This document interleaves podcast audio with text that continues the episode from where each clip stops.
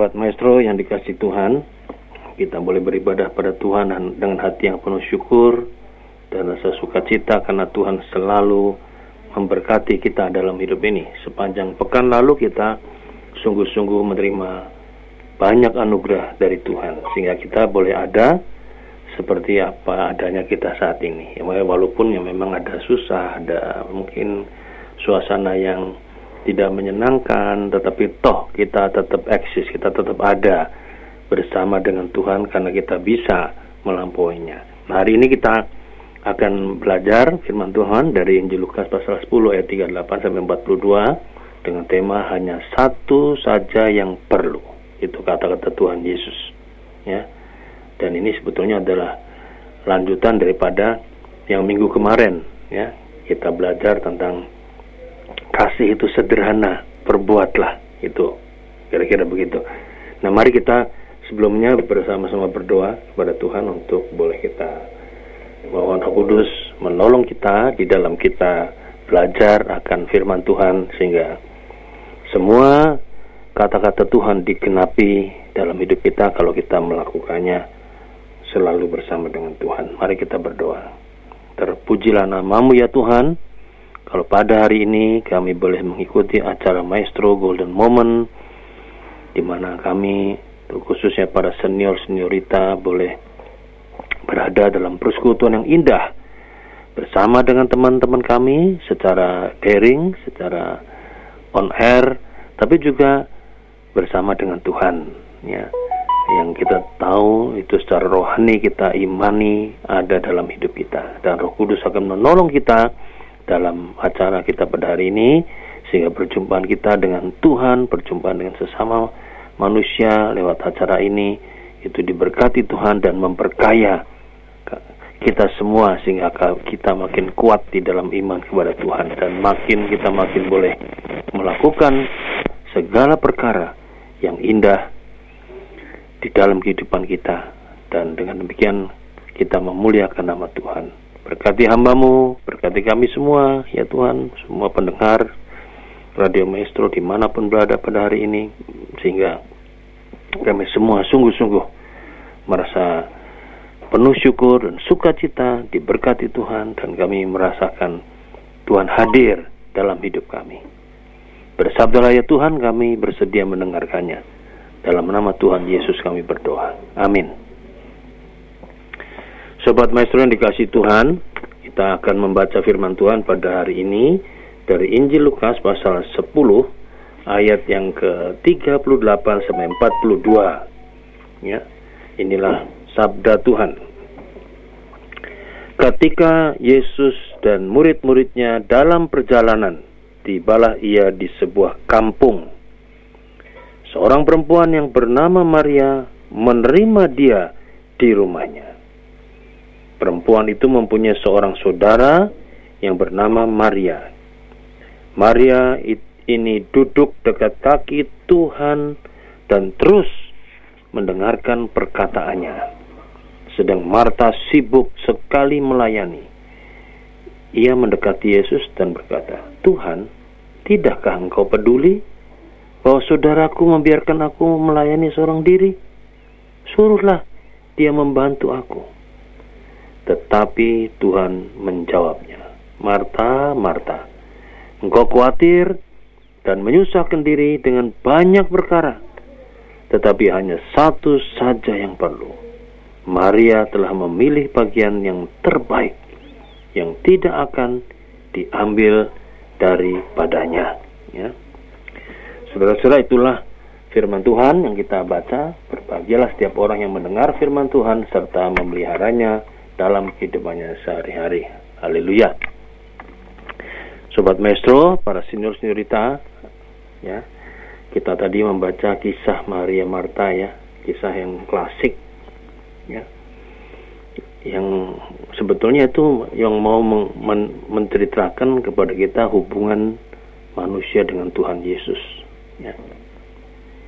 Dan kalau kita membaca cerita itu, maka ada beberapa hal yang selalu menjadi apa menjadi sesuatu yang barangkali sebuah per, perdebatan lah kalau kita menafsirnya Ya. Sehingga selalu kesan yang paling umum kalau kita mendengar kisah itu adalah bahwa Maria yang benar dan Marta adiknya yang salah. Kira-kira gitu.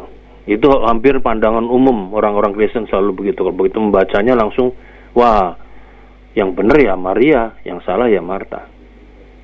Tapi saya mau memberikan satu urian pada hari ini bahwa rasanya bukan itu maksud kisah Maria Marta ini dicatat dalam Alkitab.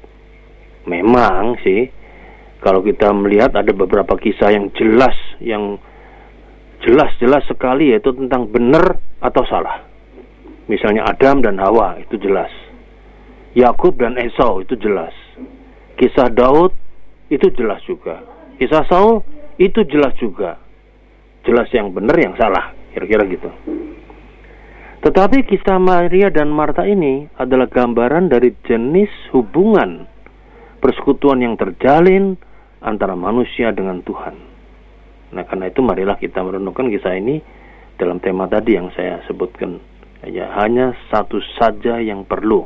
Itu ada kata-kata Tuhan Yesus dalam Lukas pasal 10 ayat 42. Nah, saudara-saudara, dalam perjalanan mewartakan kabar sukacita, Yesus dan murid-muridnya tiba di Betania.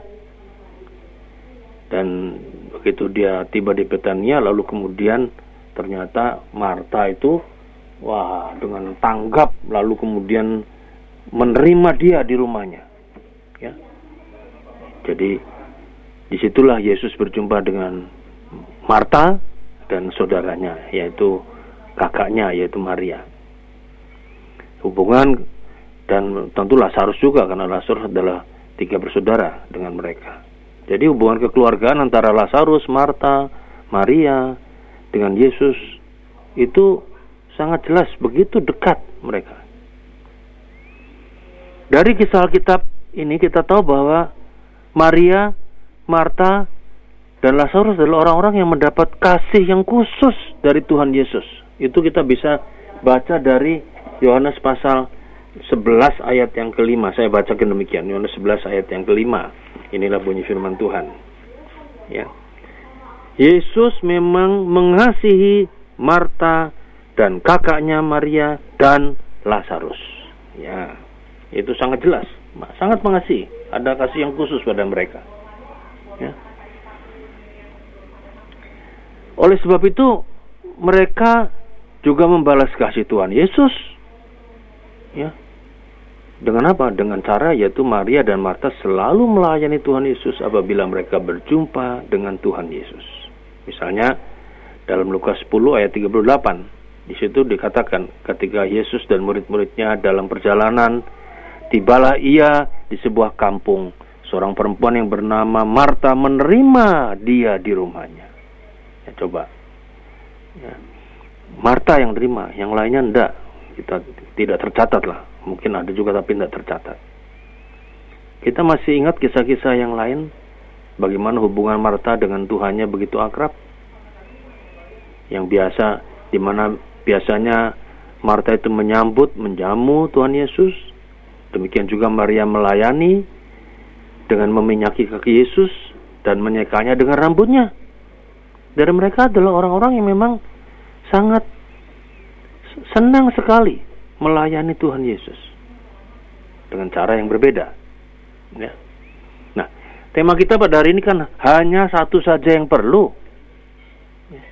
Saudara-saudara, sekalipun banyak sekali ajaran-ajaran yang tercantum dalam firman Allah, itu ada ajaran keselamatan, ada ajaran penyembahan, pengurapan, ada ajaran tentang makanan minuman ini boleh apa enggak, ada ajaran tentang persembahan, ada ajaran perpuluhan untuk hamba Tuhan, ada ajaran Tritunggal, ada juga ajaran-ajaran tentang ibadah yang berbeda-beda, ada ajaran tentang liturgi, tata ibadah yang beda-beda juga tiap denominasi, ada juga tentang pelayanan, dan ditambah lagi ratusan hukum-hukum agama, dan banyak yang lainnya, aturan, ditambah lagi saudara-saudara, banyak lainnya itu atau apa, aturan-aturan gereja, masing-masing denominasi yang dianggap penting sebagai pegang gereja.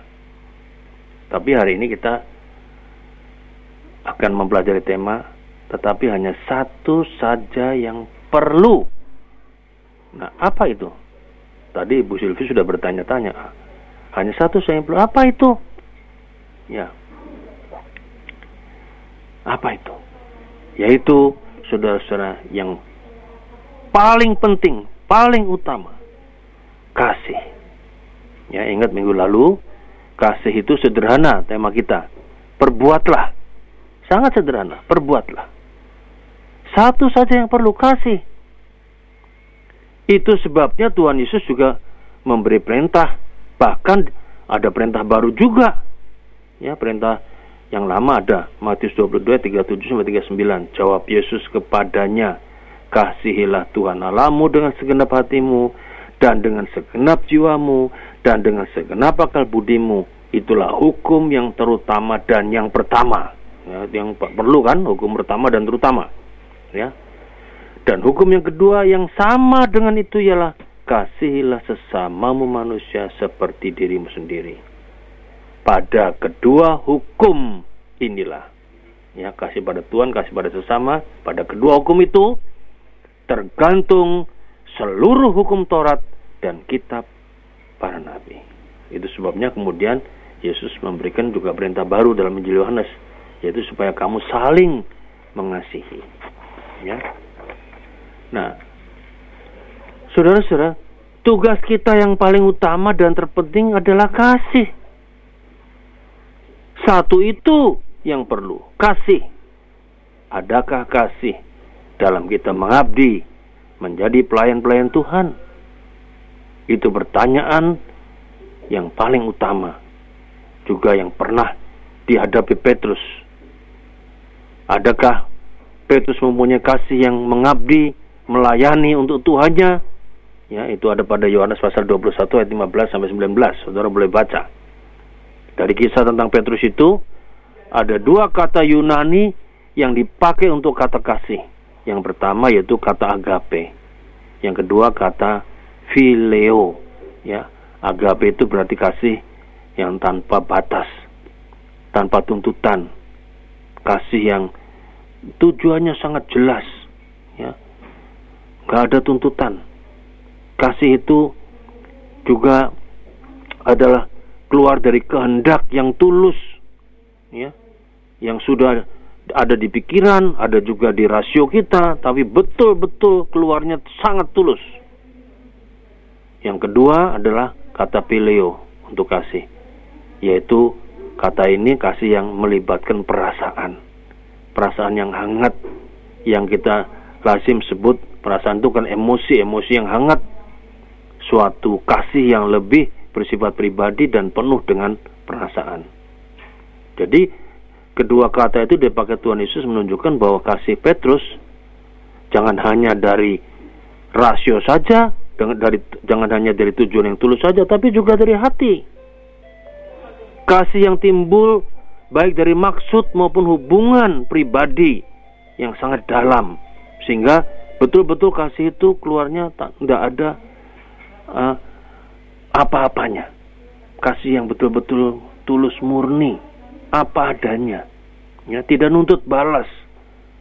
Seperti Tuhan Yesus yang mati di salib, nggak pernah nuntut apa pun dari kita. Dia rela dengan kasih yang tulus, kasih yang besar dikatakan di Alkitab, mati untuk kita. Ya. Nah, pertanyaan Tuhan Yesus pada Rasul Petrus itu adalah pertanyaan penting juga untuk kita semua. Dan kita harusnya memiliki kasih seperti yang dituntut oleh Tuhan kepada Rasul Petrus. Ya, kasih yang betul-betul agape dan kasih fileo. Dua itu. Ya. Nah, saudara-saudara itu yang paling penting. Jadi yang perlu itu. Tapi yang kedua yang saya mau tekankan adalah apa? Bahwa satu saja yang perlu itu harus dibuktikan di dalam pengabdian, dalam pelayanan kepada Tuhan. Dan inilah kisah daripada Maria Marta ini. Ini saya akan ulas pada saat ini. Ya. Saudara-saudara, sejatinya tidak ada yang keliru dengan Marta, juga dengan Maria, kakaknya. Marta itu dekat dengan Tuhan Yesus. Kalau ia dengar atau ia tahu bahwa Yesus datang ke kotanya, ia segera pergi mendapatkannya. Ya, Yohanes 11 ayat 20 itu tadi kita bisa membacanya di situ. Kita coba saya bacakan Yohanes 11 ayat 20. Ya. Di situ dikatakan begini. Ya. Ketika Marta mendengar bahwa Yesus datang, nah itu ketika mendengar Yesus datang di kota itu, ya, ia pergi mendapatkannya. Jadi ketika Marta mendengar bahwa Yesus datang di kota itu, ia pergi mendapatkannya. Ya coba, luar biasa. Ya kita lihat. Sangat dekat. Ia Saudara-saudara dalam kisah Maria Marta yang kita baca tadi, Marta berusaha menjadi tuan rumah yang baik dengan sekuat tenaga ingin menjamu sang tamu istimewa. Ya. Itu ada pada Yohanes pasal 11 ayat 38 itu dikatakan demikian. Ayat pada ayat 38 bunyinya adalah sebagai berikut. Ya.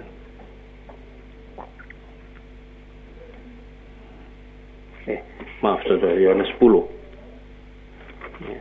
Nah, dalam Injil Yohanes pasal yang eh, maaf bukan Injil Yohanes saudara-saudara Lukas pasal 10 ayat yang ke-38 itu dikatakan begini Lukas 10 ayat 38 ya. Ketika Yesus dan murid-muridnya dalam perjalanan tibalah ia di sebuah kampung seorang perempuan yang bernama Marta menerima dia di rumahnya ya. ya.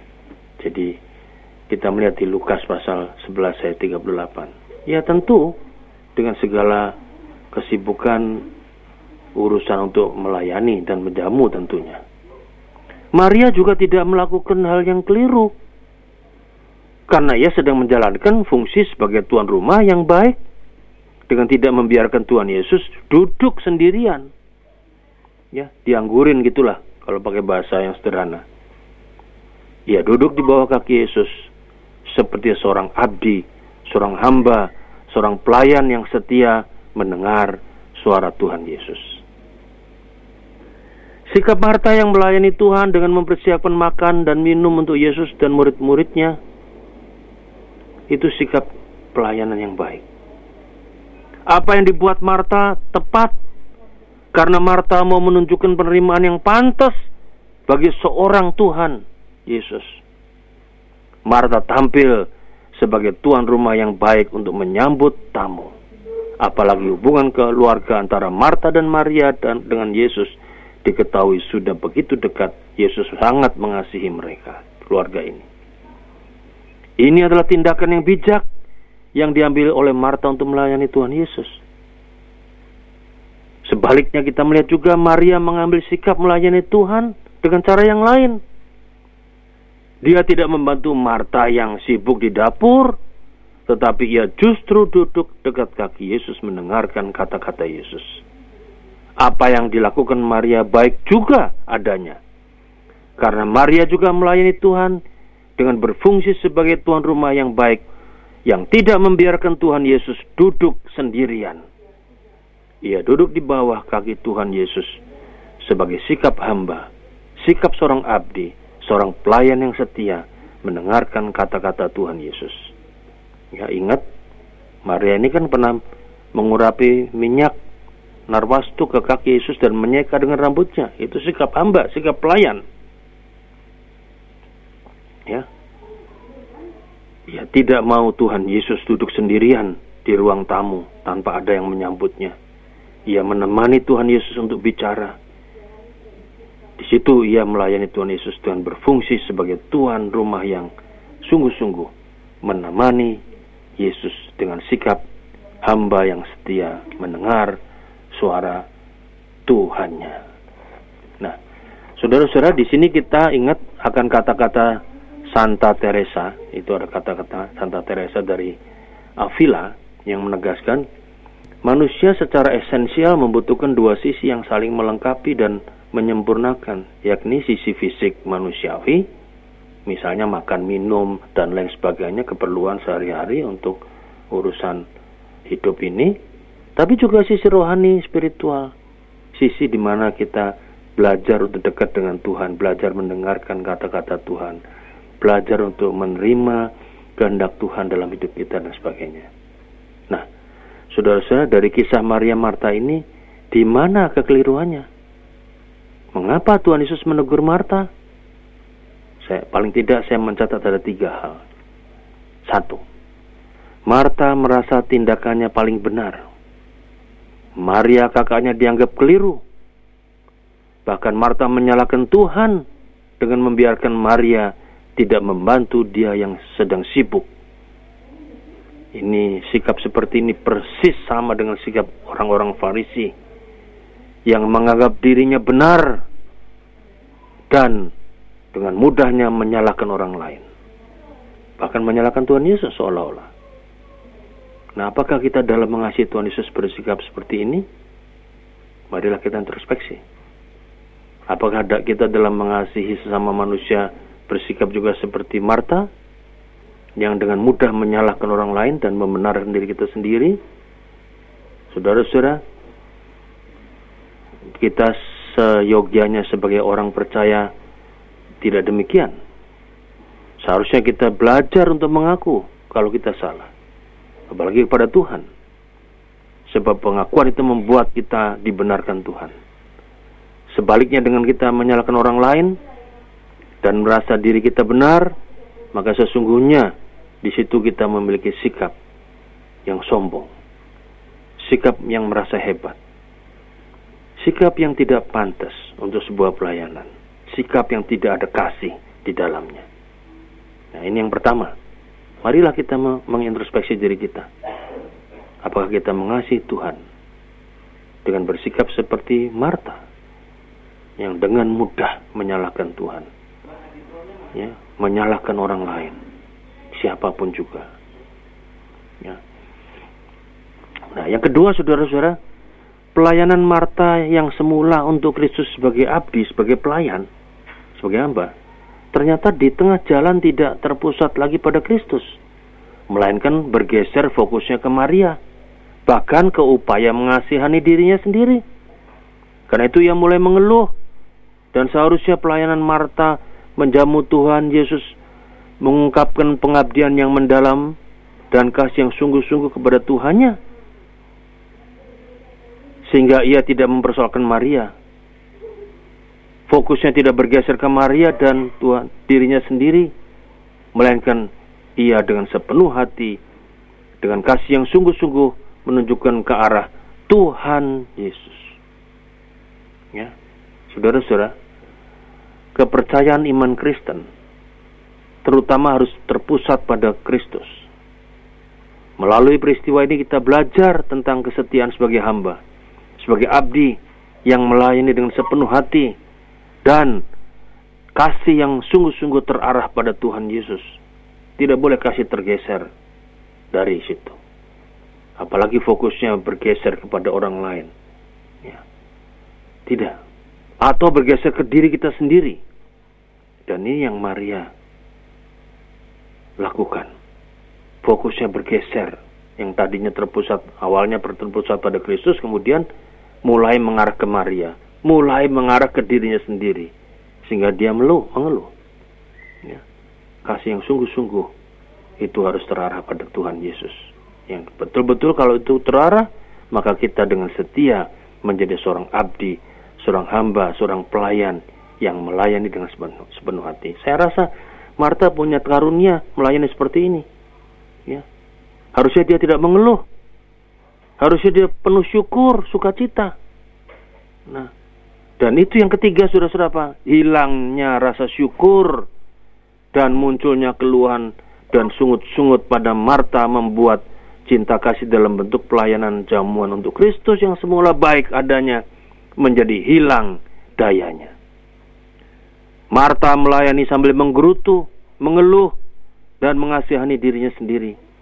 Padahal ia ingin melakukan perbuatan kasih kepada Tuhan Yesus. Kita terlalu sibuk sekali melayani, tetapi kita tidak mengetahui kehendak Tuhan yang sesungguhnya dan lebih prioritas dalam hidup kita. Kita cenderung melakukan protes pada Tuhan dengan berkata, "Tidakkah engkau peduli Tuhan padaku?" Suruhlah orang lain atau siapa saja untuk membantuku. Saudara-saudara, sungut-sungut, keluhan, dan protes pada Tuhan membuat kita kehilangan sukacita dan rasa syukur kepada Tuhan. Yang mengakibatkan semua yang kita lakukan menjadi nol, menjadi nihil. Semua yang kita kerjakan menjadi tidak berarti lagi. Itu dinyatakan oleh Tuhan Yesus kepada Marta dalam Lukas 10 ayat 41. Engkau khawatir dan menyusahkan diri dengan banyak perkara. Ya. Kata-kata ini mengandung maksud yang sangat penting. Karena dalam ayat selanjutnya, ayat 42, tetapi hanya satu saja yang perlu. Maria memilih bagian yang terbaik yang tidak akan diambil daripadanya. Itu artinya kerja keras Marta dianggap sia-sia. Ya. Pelayanan kita tidak ada artinya kalau kita bersikap seperti Maria yang bersungut-sungut, mengeluh dan protes. Sungguh sangat tragis jika hal ini juga terjadi pada kita yang sudah merasa maksimal mengasihi, mengabdi, melayani Tuhan, tapi kemudian kita bersungut-sungut, mengeluh, khawatir, dan tidak bersyukur kepada Tuhan. Padahal Tuhan memberikan pada kita karunia dan talenta untuk melakukan pelayanan tersebut. Tuhan mau kita bijaksana seperti Maria. Memilih bagian yang terbaik. Yang tidak akan diambil daripada kita. Seharusnya Marta bersyukur ia bisa melayani Tuhan dengan kasih sepenuh hati, segenap jiwa, seluruh akal budi dan segala kekuatannya. Hanya satu saja yang perlu, kasih. Yang kita nyatakan sebagai hamba kepada Kristus seperti Maria. Selamat mengasihi. Satu yang perlu, kasih. Yang diwujud nyatakan dengan tulus sebagai seorang hamba, pelayan, abdi yang bisa duduk di bawah kaki Yesus. Amin.